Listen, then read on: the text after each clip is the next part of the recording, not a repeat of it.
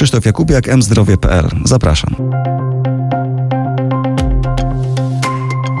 Dzień dobry Państwu, witam Państwa na kolejnym podcaście mzdrowie.pl. Dzisiaj rozmawiamy o raku płuca. Jest z nami bardzo miły gość e, ze Szwecji, a właściwie z Austrii, Thomas Kombacher, jeden ze współautorów e, raportu analizującego jak leczymy raka płuca w Europie, jak leczymy raka płuca w różnych krajach i na tym tle jak wygląda Polska.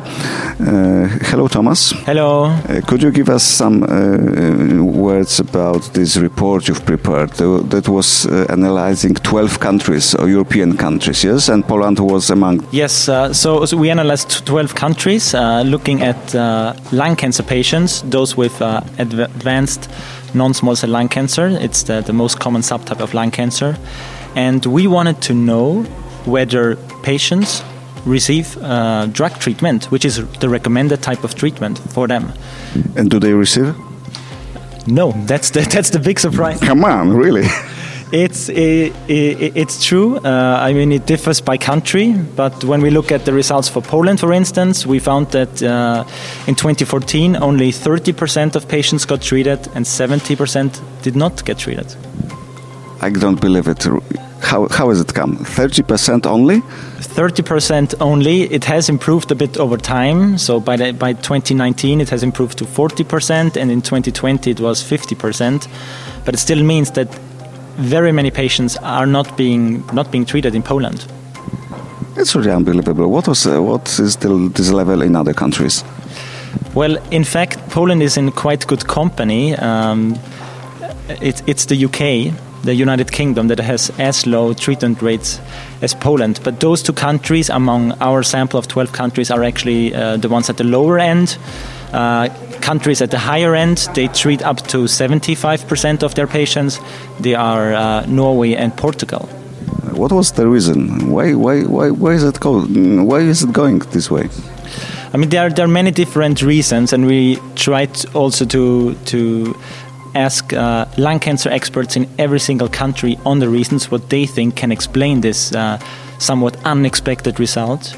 And in, in Poland, uh, the lung uh, cancer experts uh, told us that it's it's a mix of things.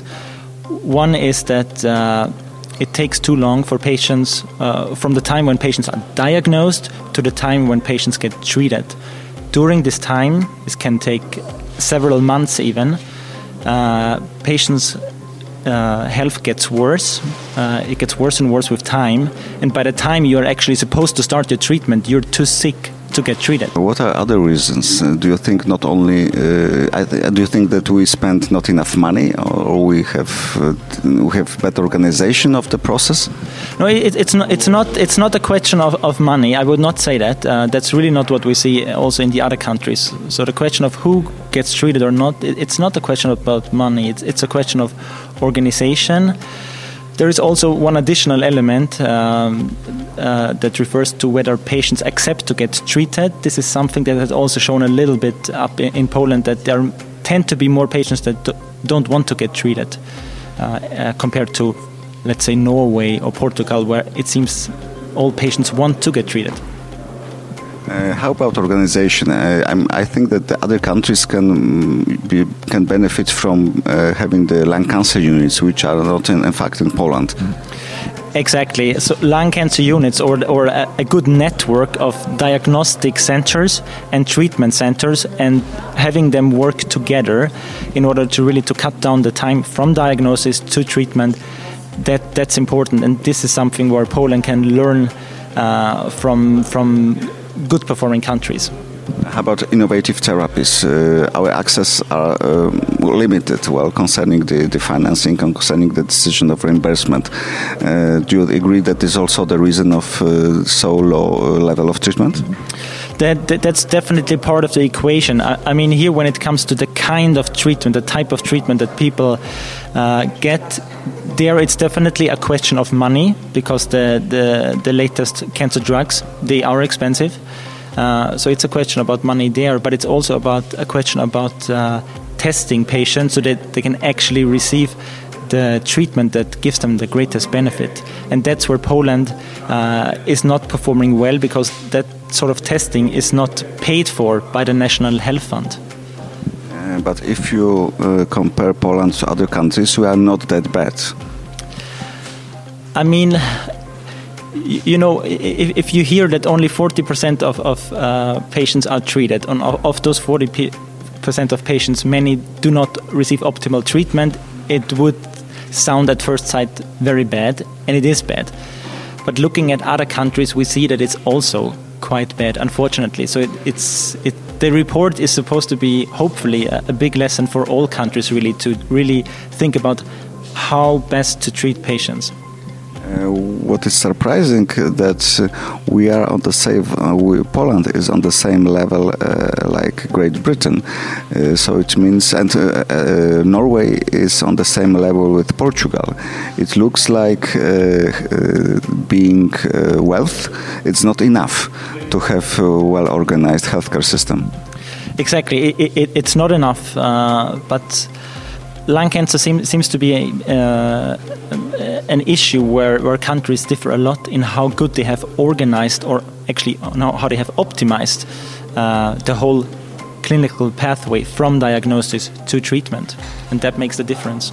Uh, let's say that you are the uh, advisor to the Poland, uh, Polish Ministry, Ministry of Health.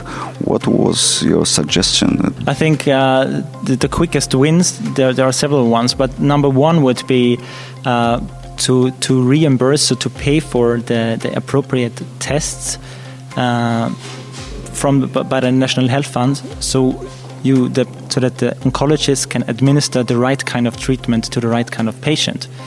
Uh, that that should be the first step to to pay for those tests and not just for the medicines because you cannot administer a modern medicine without also testing appropriately for it.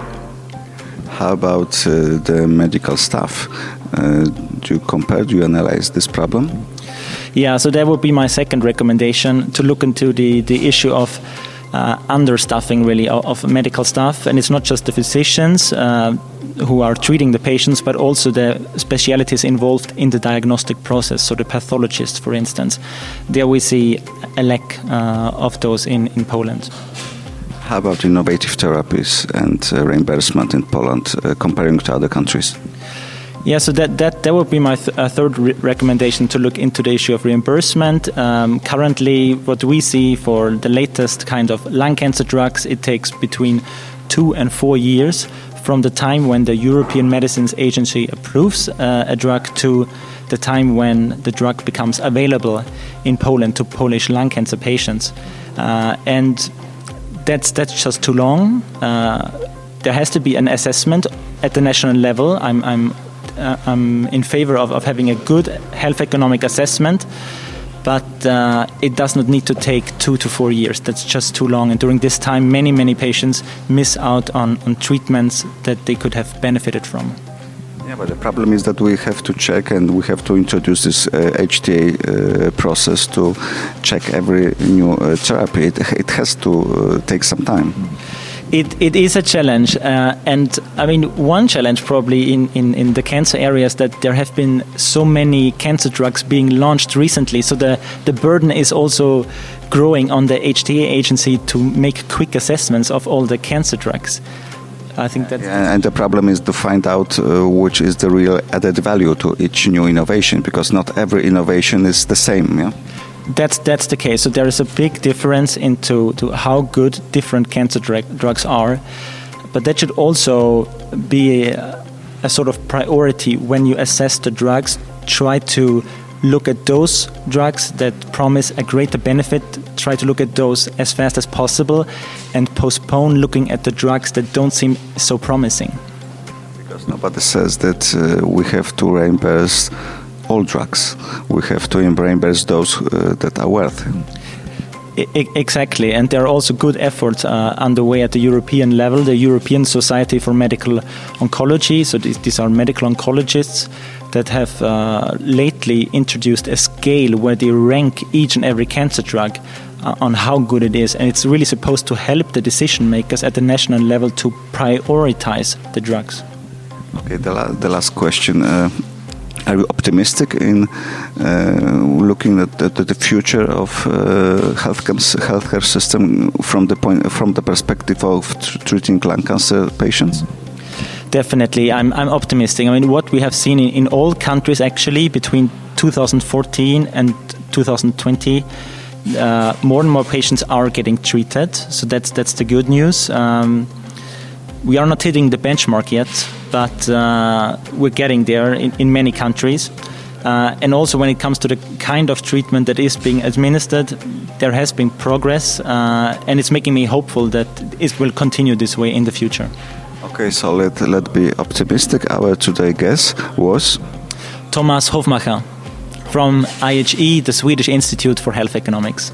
Rozmawialiśmy o smutnym przypadku, czyli raku płuca, w którym mniej niż 40% polskich, polskich pacjentów jest leczonych. Miejmy nadzieję, że z roku na rok będzie się to poprawiać, ale i tak, e, jak pan e, Tomasz powiedział, nie wszystko zależy od pieniędzy, dużo zależy od dobrej woli i od tego, jak zorganizujemy sobie wydawanie tych pieniędzy, którymi już dysponujemy. Dziękuję Państwu za uwagę. To był kolejny podcast e, mzdrowie.pl. Słuchajcie Państwo. Dziękuję.